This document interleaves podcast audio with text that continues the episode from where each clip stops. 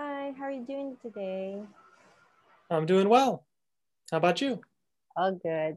Thanks for asking. Okay, well, I, my name is Kim. I'll just um, introduce myself. So, um, I work with Steve, and right now his schedule is pretty swamped for the next couple of months. So, I'll be um, doing this short interview. Um, uh, we'll start out with you talking about or giving a little bit of an intro, just a background of um, uh, your LSAT journey, um, how long you studied for, uh, maybe talk about your diagnostic score. How does it sound? Okay. Okay. Um, so as a sophomore, I think it was fairly early, it must have been fairly early in my sophomore year.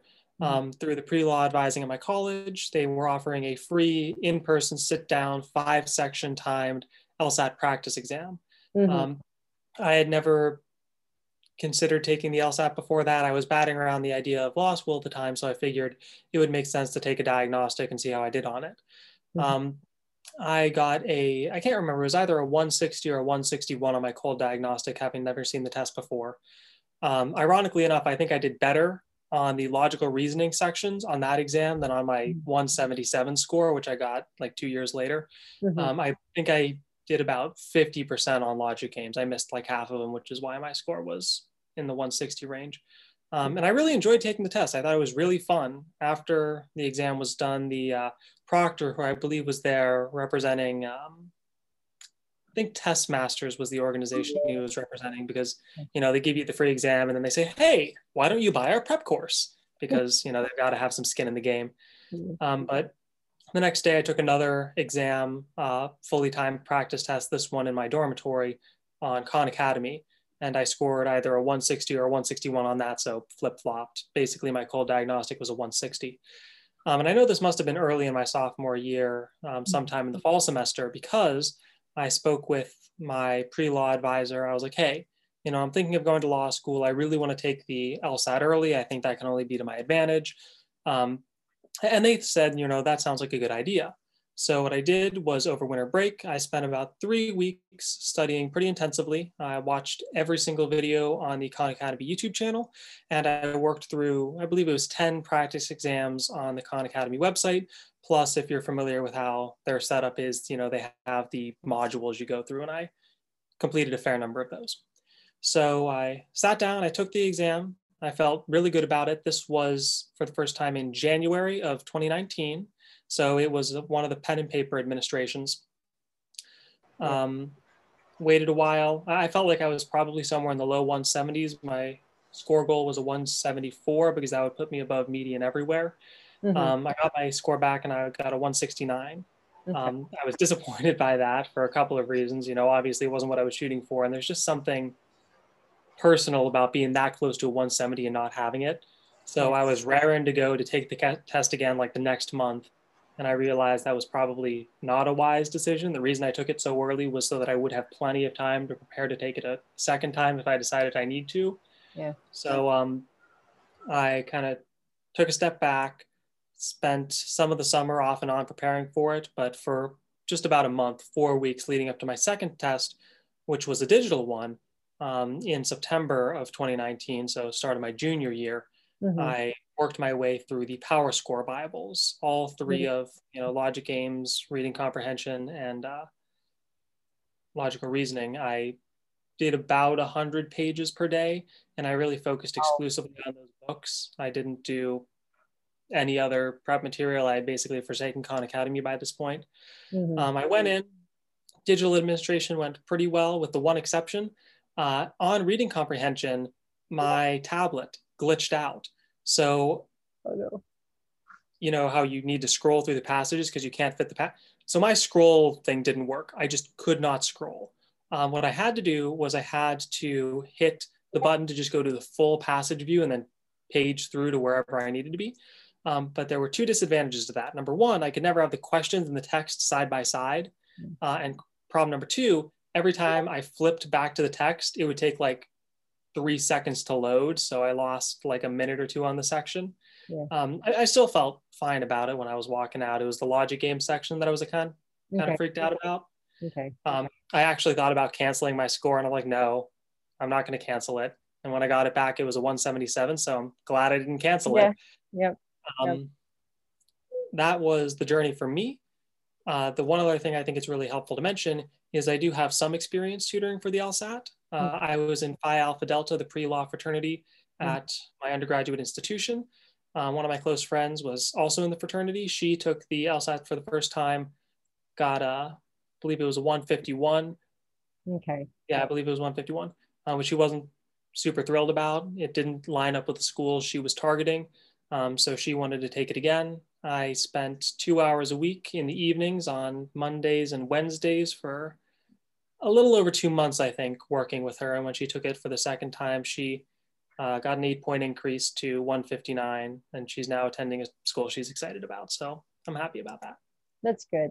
Um, you were you mentioned that of course you had you switched from one material to the other, right? I know with mm-hmm. Academy it's more like a free um, it's it's a free material. Um, out of all of the materials that you've used, what do you think would be the best material and what would be the worst? And I think this is subjective, right? Because for some people, mm-hmm. you know, certain materials work, some yeah, doesn't really work at, at, all. So can you talk about that um, in relation to, you know, the increase of your score and or you, you were pretty happy about it or you also mentioned that you took a break and then later on you switched to a different material. What was the what was the reasoning behind that? So let's focus on the khan academy stuff to start with because i think it's really great that there's free content out there yeah. and i don't want to diss it but you know obviously it has some imperfections. Um, interestingly enough i mentioned i worked through the youtube videos and then i did all the practice tests and uh, went through the modules online the first thing I did was I watched every single video on the YouTube channel. And then after that, I took a practice test. There are like 107 videos on the YouTube channel, maybe seven to 13 minutes, depending on what it's covering.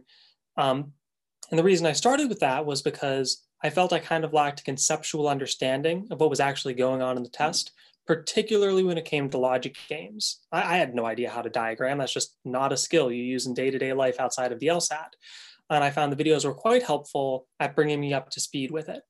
Um, so when I took my diagnostic after completing the videos, it was at about the 169 range. Um, and when I was practicing online, going through the modules, you know, I, I was breaking into the 170s, but I was kind of staying around the 169 range. Um, so the videos really, I think, fueled the initial increase between my cold diagnostic and my first exam uh, rather than practicing on the tests, interestingly enough. And I think that also kind of carries over into my success with the PowerScore Bibles because the conceptual understanding of what was going on behind the questions and how to really tackle logic games from a theoretical perspective, I think those were incredibly helpful to me personally. Mm-hmm. I also kind of think that's a little atypical uh, when I was working with my friend, uh, getting much more into the weeds on specific questions in the midst of actual practice exams was what she found most helpful. And I kind of suspect that's true of most learners, mm-hmm. but for some reason that just didn't prove as effective for my own studying. Okay, I see. Um, and you mentioned, right, that you um, helped this particular friend one-on-one. It's more of like a one-on-one tutoring. Do you have any experience like in a group setting um, because most of the classes here in LSAT Unplugged would be in a group setting. Like you'll be teaching um, an entire group, um, either on a, a, particular topic or a particular section of logical reasoning. If you think that's that's something that you're mm. interested in, or logic games, or yeah, reading comp. Um, have you had experience of that before? I mean, this is just to um, understand your background. But Short answer is not really. Uh, long answer is I do have group leadership experience, but just not group tutoring experience. Okay. Okay. Yeah. With um with the tutoring, was it one on one online? Did this happen um during this the pandemic? Online. Okay. It because was- this was when the pandemic started. It was um in the fall of 2020. Mm-hmm. What do you think is the um, greatest challenge when teaching online? Because that's a different you know it's a different experience right? Like you're trying to impart something you're trying to help someone but they're not physically with you. Um, what do you what did you find worked? And um, what were the things that you had to uh, you know find a strategy for or what were the challenges that you had to work through? So i have two answers to this question. Uh, i think the greatest challenge for online education writ large is engagement um, when you're talking about like universities and students I think a lot of them have the mindset of, you know, I want to do what I need to do to get an A and I'm going to tune out as much of class as possible. Mm-hmm. I think that's less of an issue for LSAT prep mm-hmm. just because, you know, at the end of the day, the proof is in the pudding. The score you get is the score you get. And there are very, very real benefits to having a higher score uh, mm-hmm. uh, in terms of what schools you're able to reasonably apply to, the type of aid you'll receive from them. So I think engagement is actually less of a problem especially for a paid class where once again you know money is on the line on the front end and the back end. Um, when it comes to the other problems that i encountered um, so i don't have like a drawing pad. The best i've got is my little mouse and keyboard. So for the logic game section when it comes to diagramming uh, it's difficult to kind of show what i'm doing effectively on a virtual medium without a drawing pad yeah. Uh, a couple of different times I pulled up like a virtual whiteboard, I shared screen over Zoom, and I painstakingly, you know, drew out my little diagrams, but that was like maybe 25% as fast as it would have been if I was in person with a pencil and paper. And, you know, it's, it's just not the same. It's so inefficient. Would, would you think that, um, especially if you're considering an instructor position here, would you be considering um, logic games as something that you would like to teach? Or do you prefer um, logical reasoning and reading comp especially since you did really well with your logical reasoning the first time right? So um yeah um i would be interested in teaching any of the sections. Uh, probably least interested in reading comprehension because i think it's just kind of bland in my opinion. Um, but i enjoy LSAT questions. Um, I think logic games in particular can be very fun when you get down to it, but I would say in general, I do have the greatest confidence with logical reasoning. Mm-hmm. Yeah, logic games is um, a really popular uh, class. I think it's also because, like what you mentioned, you know, um, diagramming is not something that you acquire every day. I mean, it's not an everyday skill that you acquire and so you really have to well most people think that you have to go to class for it right um and it mm-hmm. helps right? um in that in that on that note um have you ever attended like a um logic games class before uh because i know that you work um through the lsat or you studied for the lsat more it was more of like a self-study thing um, but did you ever join um, any of those live classes? Have you had experience with that type of um, setting? Not really. Uh, I mentioned that I took the diagnostic, which was offered by uh, Test Masters, I believe. And at the end, uh, the proctor, who was a tutor for Test Masters, he had scored somewhere in the 170s to qualify for the position. He went through like a little mini test and he focused on the computer virus game, which is one of the logic games that was offered on a older LSAT. And it was actually specifically the LSAT that he had administered. So, you know, I have some semblance of what that type of setting is, but I don't have a huge amount of experience being a student in it myself.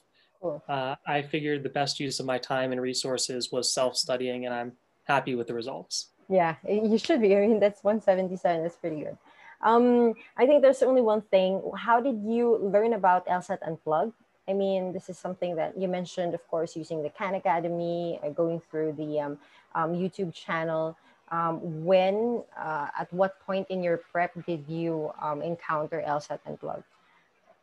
So I was aware of LSAT Unplugged. Uh, there are a whole host of resources that I was aware of. And this was specifically through Reddit, r uh, slash law school admissions, where they link a whole bunch of different stuff.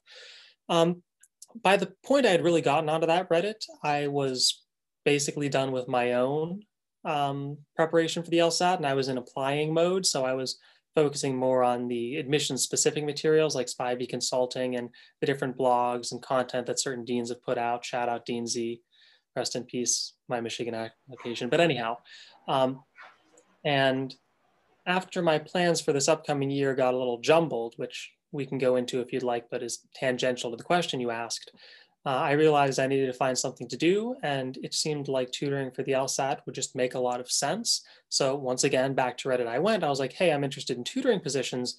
Is anyone aware um, of places that are hiring or opportunities in the field? And immediately somebody said, well, hey, I know LSAT Unplugged is looking for people. So I figured it would make perfect sense to reach out and see what was available. Cool. I don't want to um, extend our time, but do you have any other questions for me in general, or at least um, for Steve? Um, but mm-hmm. yeah. Mm-hmm. Well, I'm curious about a couple of things. Do you know how many people you're looking to hire? Um, right now, we're looking to hire. We're always looking to hire.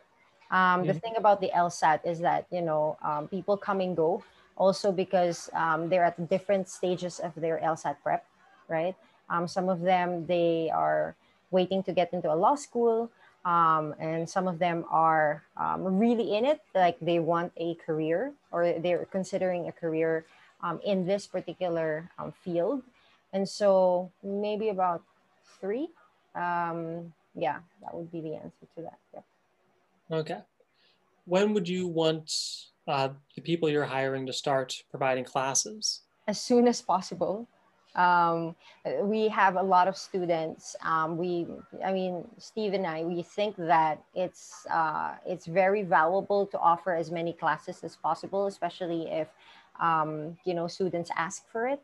Um, and so, yeah, if you're available as soon as possible, uh, that's also one of the things that I wanted to ask. Um, like, what's your availability? availability availability look like like how does it look like um, are you this is like uh, in in terms of like your short term plans. Um, are you short term plans? Mm-hmm. I can make myself available anytime for basically the next two and a half months. Okay. Um, after that, my availability basically falls off a cliff.